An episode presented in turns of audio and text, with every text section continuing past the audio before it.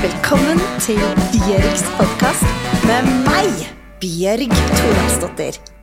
Velkommen til en ny og spennende podkast. I dag så kommer vi til å gå en helt annen vei enn det du tror. Og med meg i studio så har jeg med meg Erik Alfred Tessaker. Forfatter, foredragsholder, men mest kjent som oppfinneren på NRK. Og en eh, Farmen-vinner, faktisk. Så velkommen i studio. Tusen takk. Jeg er utrolig glad for å ha deg her. Og jeg vet at du er, om det er lov til å si en liten podkast-hore? Ja. ja, takk for det. Nei da, du er med overalt, og det er helt fantastisk. For da, da eh, har vi blitt så godt kjent med deg, og det er en grunn til at alle vil ha deg med på podkasten sin, inkludert meg selv, og det er fordi at alle samtaler med deg blir så spennende og interessante. Og jeg eh, har tenkt at vi skal snakke om noe som jeg ikke vet om du har snakket om i andre podkaster. Ok, nå begynte jeg å bli spent her, ja. Og det er at jeg vet at um, du har en stor interesse innenfor Det kalles selvutvikling, men jeg tenker det å um, stå større i seg selv og lære mer om seg selv og hjelpe andre i å stå mer støtt i seg selv. Stemmer ja, det? Ikke sant? Jeg er veldig interessert i alt som gjør at man er mer til stede i livet, og at man tar de valgene som man ønsker, og at man, at man har hånda på rattet. Så det er veldig fint, ja. Jeg likte det ordet. Hånda på rattet. Det er liksom ikke å være sjefen i eget liv, eller noe sånt, men hånda på rattet syns jeg egentlig sa alt. Ja det høres kanskje litt sånn traust sørlending uh, pietist ut, uh, men uh, Men du er jo en ja. traust sørlending. Ja, så man har liksom Man tar taket på retninga i livet sitt. da. Men hvem er det som har inspirert deg mest? Ah, det var veldig stort eh, eh, Nei, ikke sånn, men i, det, nei, sånn i liksom av foredragsholdere Å, ja, sånn, ja. og andre i, i liksom å holde hånda på rattet. Hvem er det som er de store tenkerne? Er det, Ja, det er et veldig godt spørsmål, og det blir nok et uvanlig svar, der, for det er en ukjent eh, mann for de fleste. eh, og det var en veldig god venn av meg eh, som i mine 20 år så levde i som bohemmiljø og hadde noe innendørsfotball og sånn. Og da hadde vi en leder der som het Frank Hartvedt, som var utrolig radikal og modig og en fri sjel med et godt intellekt som gikk fullstendig sine egne veier. Og det var ubegripelig inspirerende for en ung 20-åring. Så Frank Hartvedt var en eh, vanvittig viktig kraft for meg eh, i tidligere år. Hva var det som han sa som fikk deg til å tenke annerledes? Hvordan klarte han liksom å vekke, vekke deg fra det du trodde på, det du liksom tenkte var din sannhet, til å begynne å tro på en annen sannhet? Eh, For det første så var han veldig nysgjerrig uansett. Eh, hvis man diskuterte ting, så ja, hvorfor det? Hvorfor mener du det? Eh, og så var han utrolig god til å være konkret eh, i å ta og stille spørsmål som, eh, som gravde dypt inn i hva man egentlig holdt på med, og hvor man ville. Eh, og han hadde en stor sjelsettende ting for han, var at han hadde sett den filmen som heter Dead Poet Society i tidlige år, og ble kjempeinspirert. For de som ikke har sett den, så er det en fantastisk film med Robin Williams, som er lærer på en kostskole. Det er veldig strengt. Eh, og så er han en sånn deilig frisjel som hjelper de tenke sjøl, og oppfordrer de til å lese poesi. Og hele filmen begynner med at eh, klassen må gå inn, og så må de gå og se på gamle bilder. Helt fra starten av skolen, som er fra 1910. Og så sier han, må dere se godt på dem. Og hør da hva de sier. De sier 'grip da', sier de. For alle ser her, de er støv nå, og det skal vi òg bli. Og det eneste de sier til dere og hvisker til dere, er at dere må bruke tida deres. Og det er en sånn eh, Bare hele filmen går på det hele veien. Eh, og han ene hovedpersonen han skifter navnet til Nuanda. Han sier 'My name is Nuanda'. Og Frank han skifta faktisk, han la det inn i sitt eget navn som en sånn statement. Og bare det er jo veldig inspirerende, syns jeg, at man, eh, at man gjør en handling som gjør at man binder seg til, til roret. At man setter en kurs, da. Så dette er mye spennende av Frank, men det er nok først og fremst at eh, verden kan faktisk være annerledes. Hvordan tror du livet ditt hadde vært hvis ikke du hadde møtt på Frank? Det var et veldig vanskelig spørsmål å si. Men Men, hadde du eh, jeg å ta tror de vært. For meg har det vært en sånn sjelsettende opplevelse, og jeg er evig takknemlig for den jobben han gjorde. Og det var et fantastisk eh, fint vennskap den tida. Gode venner ennå. Men eh, i de årene der så var det utrolig viktig å ha en som både utfordra, men samtidig som var der som en sånn inspirasjon. da. Så eh, hadde jeg ikke møtt Frank, så tror jeg nok jeg hadde vært en, en veldig mye mer eh, En sjel som kanskje gikk rundt og var litt mer frustrert og ikke gjorde det han drømte om å gjøre. Men jeg opplever at du har blitt den Frank for veldig mange andre. At du har gjort at de har turt å følge sine veier fordi at de ser på deg som har fullstendig gått dine egne veier. Opplever du det også? Ja, det er veldig fint du sier. Eh, det er noe av det jeg får mest ærefrykta, er når vi lagde Oppfinneren eh, på NRK, og vi lagde tre sesonger der. Da fikk vi veldig mye eh, mail og tilbakemeldinger. Jeg får stadig ennå der det skrev Altså folk skrev 'sitter i rullestol' og 'har sett Oppfinneren', og på det at du eh, gjør de tingene der, så har du inspirert meg til å si at jeg kan faktisk eh, bruke livet mitt på en annen måte. Og jeg kjøper verktøy, og det var masse sånne fine ting. Og noen skrev det at eh, takk for at eh, du viser at det går an å gjøre andre ting med ungene. Eh, så vi har lagd oss en liten mancave nå, eller eh, nå har vi tatt tak i relasjonen vår, og vi har lyst til å gå for drømmen vår, og vi har solgt alt og kjøpt seilbåt. Masse sånne fine ting. Og det er mer en sånn paid forward. Jeg er blitt inspirert av noen, og så så sprer det seg utover det. Så det er noe av det vakreste, føler man, jeg har fått være med på. Jeg er veldig takknemlig for det, at jeg har fått lov til å både bli satt fri sjøl, og det å spre det glade budskap om at eh, du må stråle og leve og sparke og sprelle mens du lever. Og eh, det er ingenting som er feil hvis det er riktig for deg. Det var veldig vakkert sagt. Det er ingenting som er feil når det er riktig for deg. Ja, det er med modifikasjoner, ja, så lenge ikke du slemmer noen andre. Ja. ja, men jeg likte det veldig godt fordi at det er så utrolig vanskelig ofte å følge hjertet sitt. For ja. du vet at hvis du har tro mot hjertet ditt, så kommer du ikke til å innfri noen forventninger. Nei, man skuffer så mange. Sånn. Er det noe man er redd for, så er det å skuffe folk. Og det er sånn paradoks det der, for det, vi blir opplært hele tida i samfunnet at du skal passe inn og du skal være som flokken hele tida. Men alle vet jo at det samfunnet trenger, det er folk som tenker sjøl og går nye veier. For vi trenger nye impulser hele veien. Så det rare er at vi prøver å slå i hjel alle som går egne veier. Samtidig som når de har gjort det, så blir vi inspirert, og så gjør vi det. Så så ler vi av dem. Det er jo en sånn en kjent sak det at hvis noen kommer med en ny idé, så først blir de latterliggjort. Og hvis de begynner å få det til, så blir de aktivt eh, kjempa mot. Og til slutt, har, hvis de da har klart det, så blir det en etablert sannhet, og da sier alle det vi har sagt hele tida og så tar man etter. Så det er en sånn merkelig sånn seighet i systemet der eh, de som prøver å gå egne veier, vil møte veldig mye motstand. Men kanskje det er en del av eventyret, at man trenger den motstanden og blir litt kvassere. Er det altså Askeladden? ja, det er jo en klassisk Askeladd. Men, men det er jo et, det er en stor greie, da. Men, men, eh, det du er inne på der, da, i forhold til Askeladden, er jo eh, eventyr og narrativ. Eh, og narrativene som som appellerer i eventyrene, er jo fordi at psyken vår er jo Vi bygger hele verden på narrativ. Altså, eh, Manuel Kant sa jo det at vi registrerer de tid og rom. Eh, men i tillegg så har du Campbell som sier det at eh, det, Han sier eh, The hero with a thousand faces. Altså Det er samme historie hele veien. Der du har eh, Vi bærer maska som helten, og da lever vi oss inn i narrativene. Sånn at alle prosjekter vi har, handler om at vi skal nedkjempe den dragen som egentlig er Eh, en siger inni oss sjøl. Eh, og på veien dit så vil du først møte motstander, du må samle deg kunnskap, og så må du gå inn, og så må du hoppe inn i det ukjente og håpe at du gror deg vinger underveis. Om det er litt skummelt, eller? Det er jo dødsskummelt. For det, det, mot er jo en sånn greie som litt sånn misforstått. Man tror at folk er modige, og da er de ikke redde. Men mot handler jo om å gjøre noe selv om man er redd. Og, og og vite og ikke vite hva som er på andre sida. Og det er jo det skumleste som skjer. Og det er ikke sånn at jeg klarer det alltid.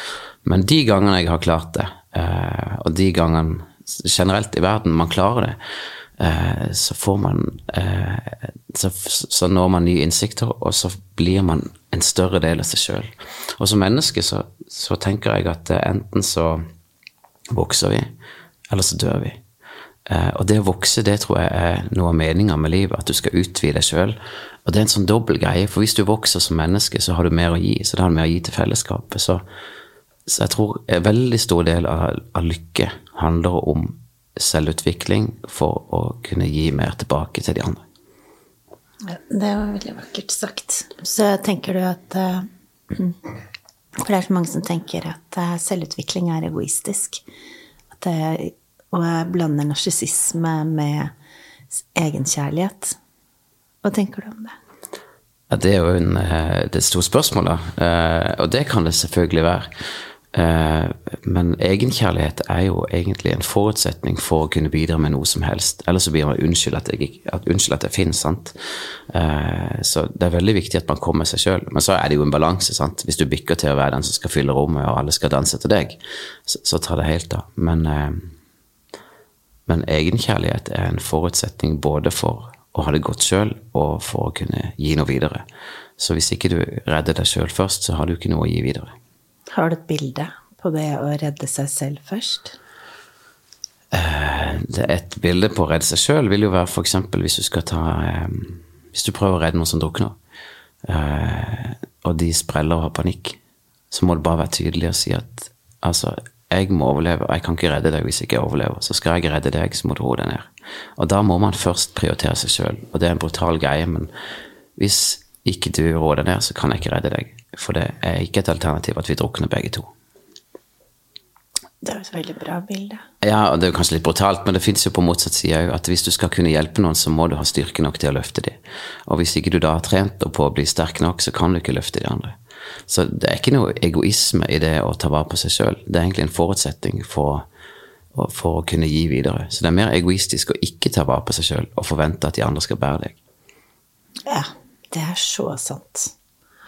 Men jeg vet at det er utrolig mange menn som eh, sliter og syns det er vanskelig å være i dette samfunnet og ha få ord. Hva skulle du ønske at eh, de gjorde, eller hvordan kan vi hjelpe de, eller Altså For min egen del så tåler jeg ikke så godt sukker. Så hvis jeg spiser litt sukker, så får jeg veldig veldig mange ord. Men nei, Som er en så, veldig stor fordel for ja, meg, for jeg kommer godt ut av det. ja, ikke sant.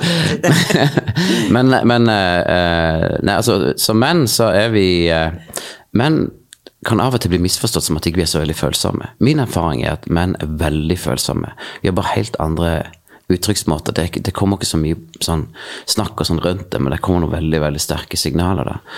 Uh, og det sitter langt inne for oss menn å si ting som, som beveger oss. Vi, vi, er redde for å bli bevega, sånn ytre sett òg, men, men uh, ting blir veldig sterkt. da. Uh, og det er en sånn slags tragedie for oss, men for, for veldig mange menn som sliter, har tendens til å stenge seg inne. Og så holder de en fasade, sånn at ingen vet at de har det vondt.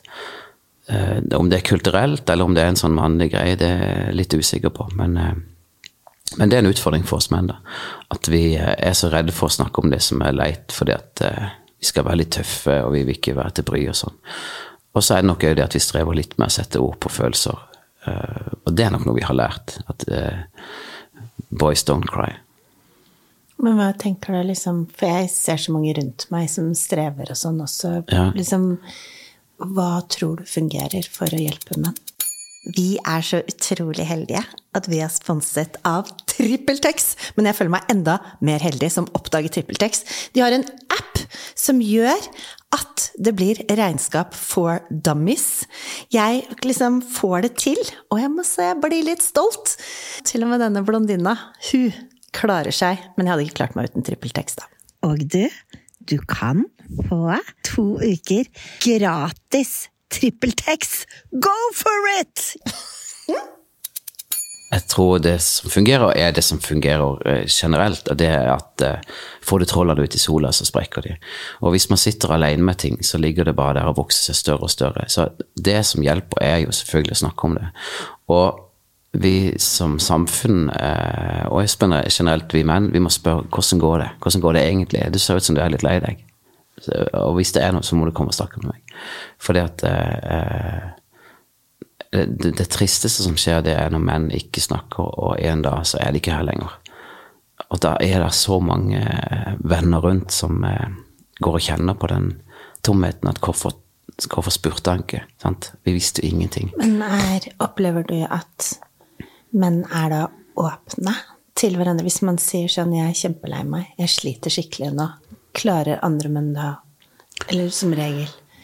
Jeg opplever jo veldig ofte å få fine prater ja, med, med, menn som, eh, som, har det tøft. Men det handler om å lage et veldig trygt rom der man er, sitter i bilen, og så spør man, eller ja, man, skal, man skal grave forsiktig, da, med sånn, sånn tanndart. Men eh, jeg kan nesten ikke huske å ha opplevd å ha spurt noen der ser noen er lei, der de har ikke sagt hva det er. Så jeg tror veldig mange syns det er godt hvis man lager det rommet der. Og alltid, det er, det er alltid bedre å prate om ting enn å ikke gjøre det. Uh, og man er nok mest sånn intuitivt redd for at det man har inni seg, er så ekkelt eller trist eller flaut eller dumt at den andre vil avvise det. Det så- Men det tror jeg nesten jeg, tror, jeg kan nesten ikke huske det.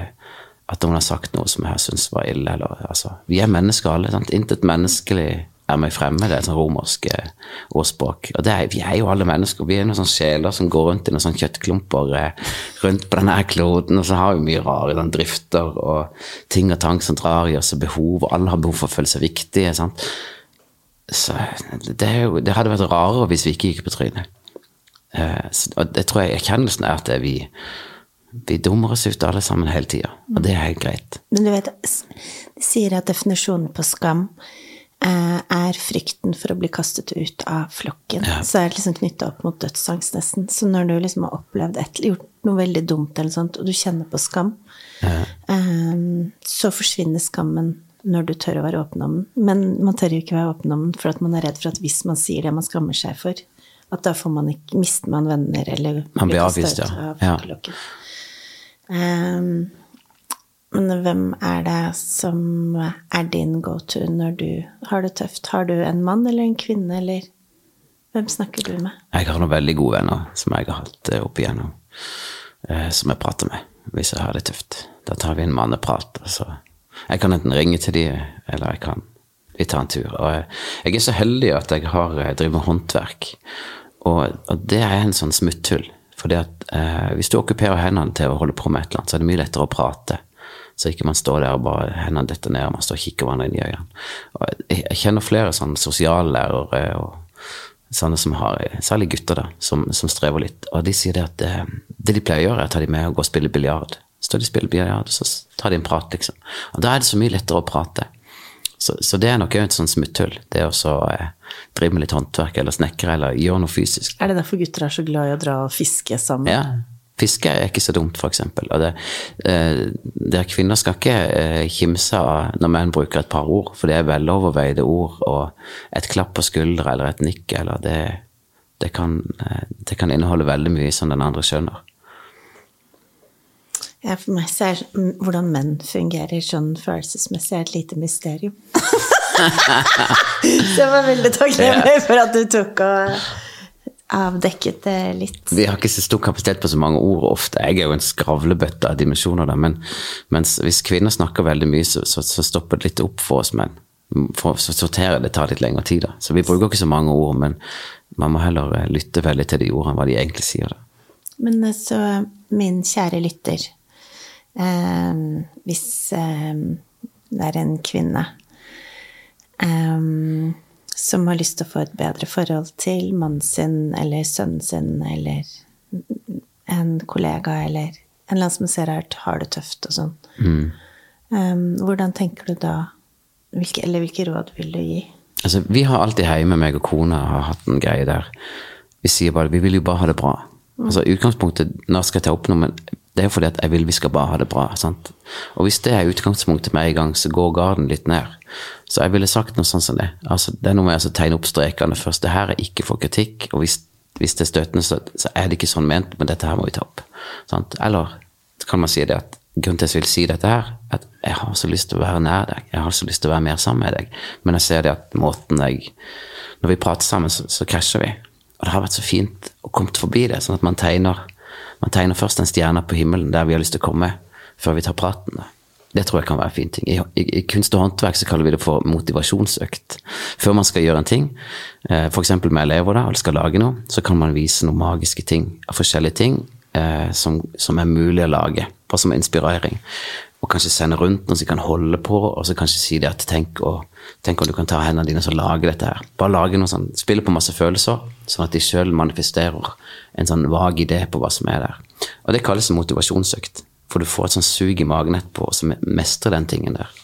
Så det tror jeg egentlig er en- slags motivasjonsøkt, der man eh, understreker at eh, grunnen til å ta opp det her, Det er fordi jeg liker det ikke så godt. Jeg har så lyst til å få det enda bedre til.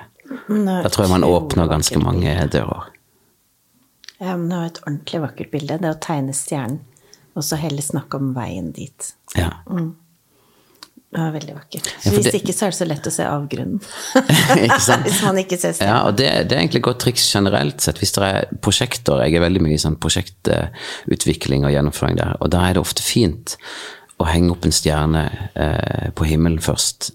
Og, og bestemme seg hva er det jeg har lyst til å skape, hvor er det jeg ønsker å komme.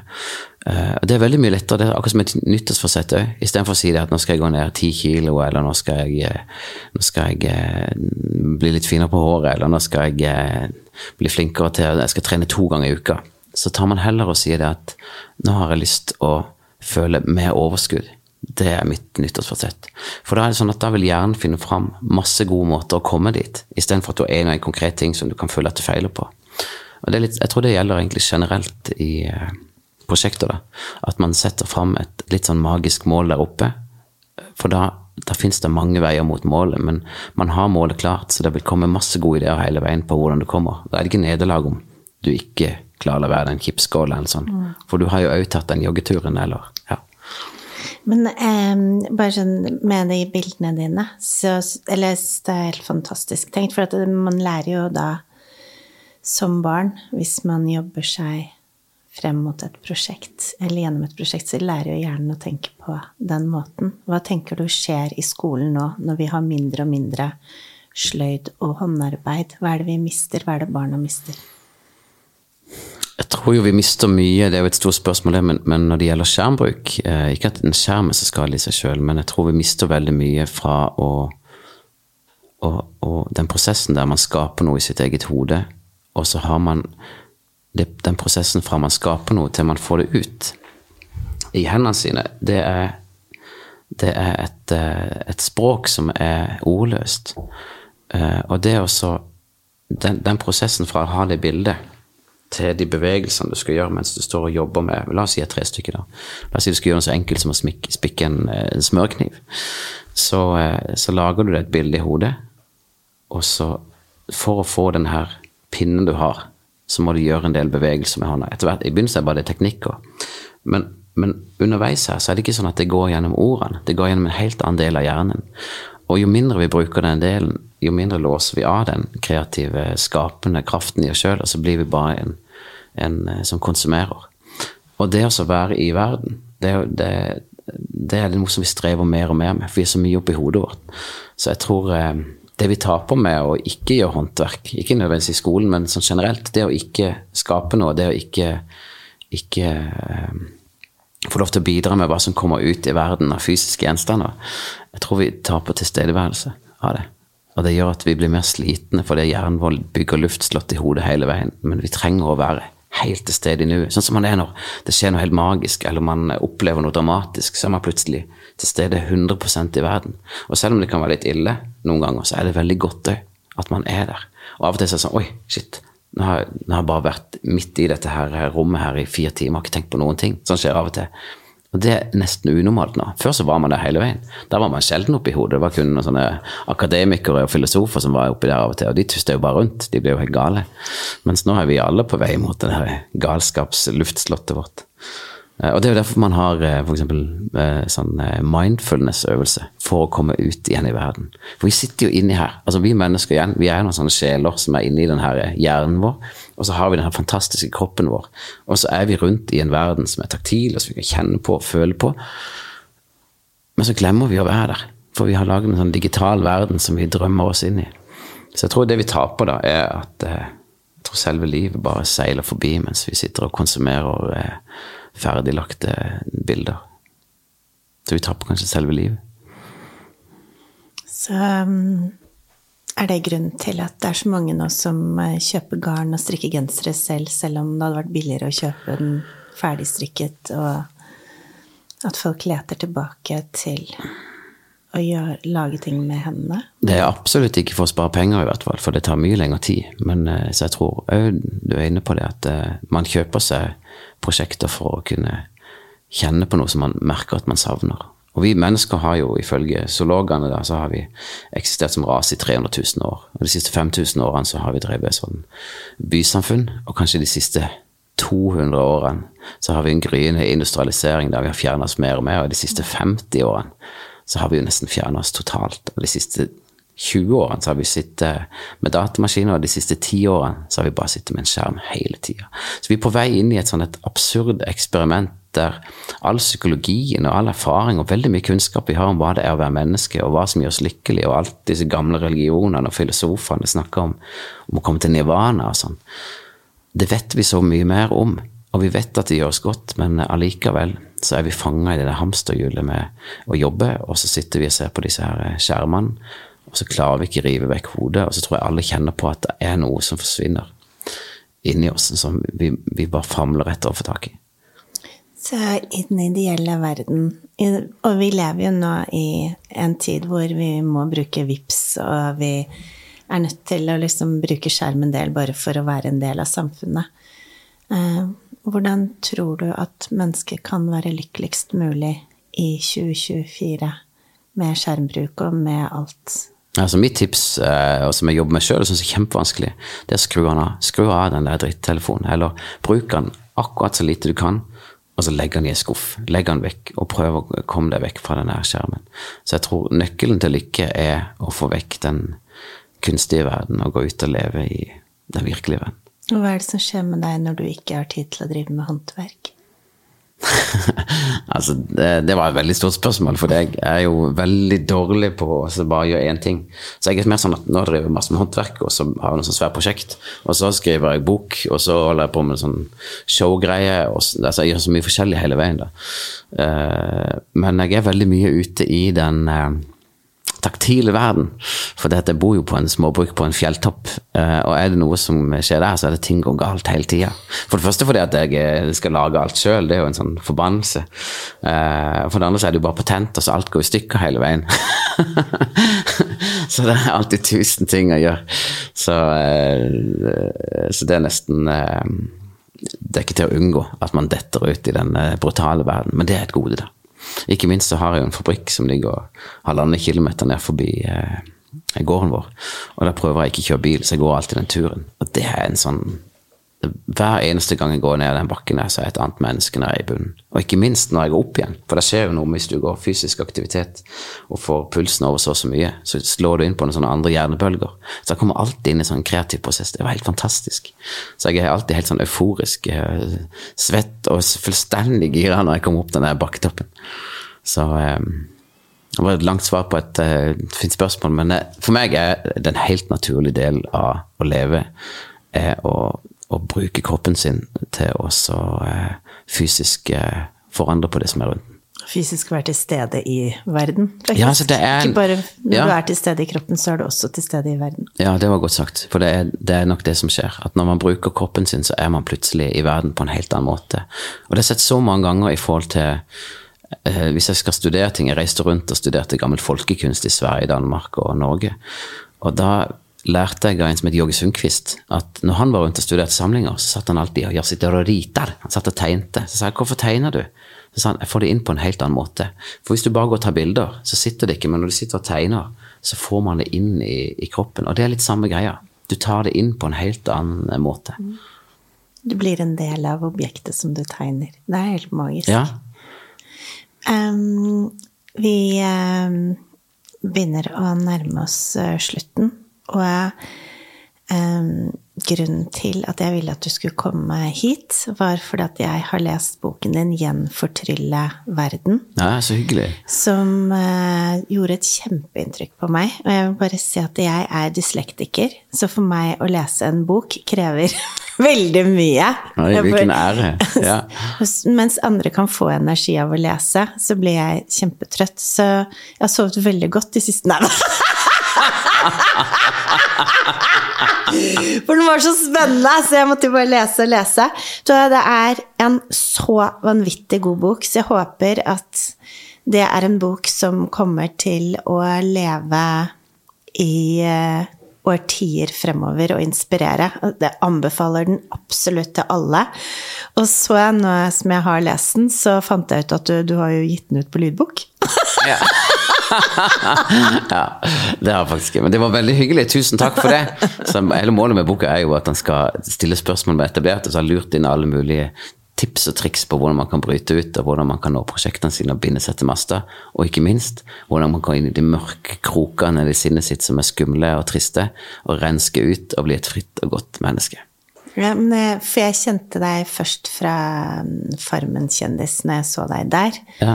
Eh, Så jeg ble så mm, positivt overrasket når jeg leste boken på hvor filosofisk du er.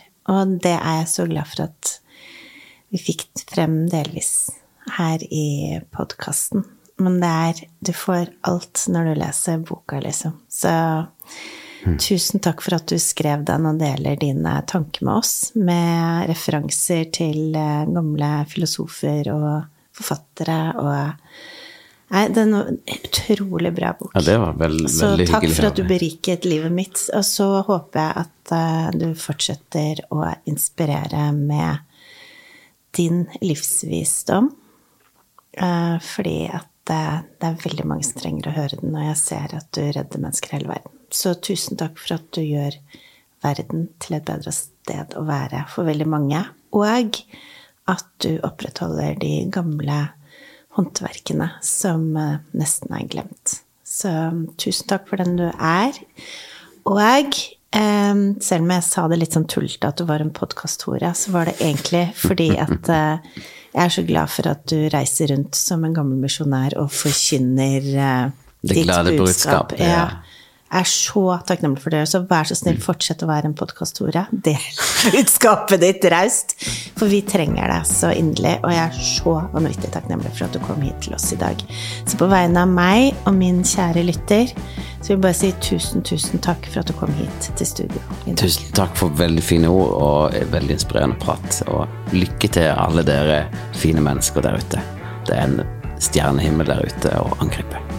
Så det er bare å finne ledestjerna si Amen. and go for it.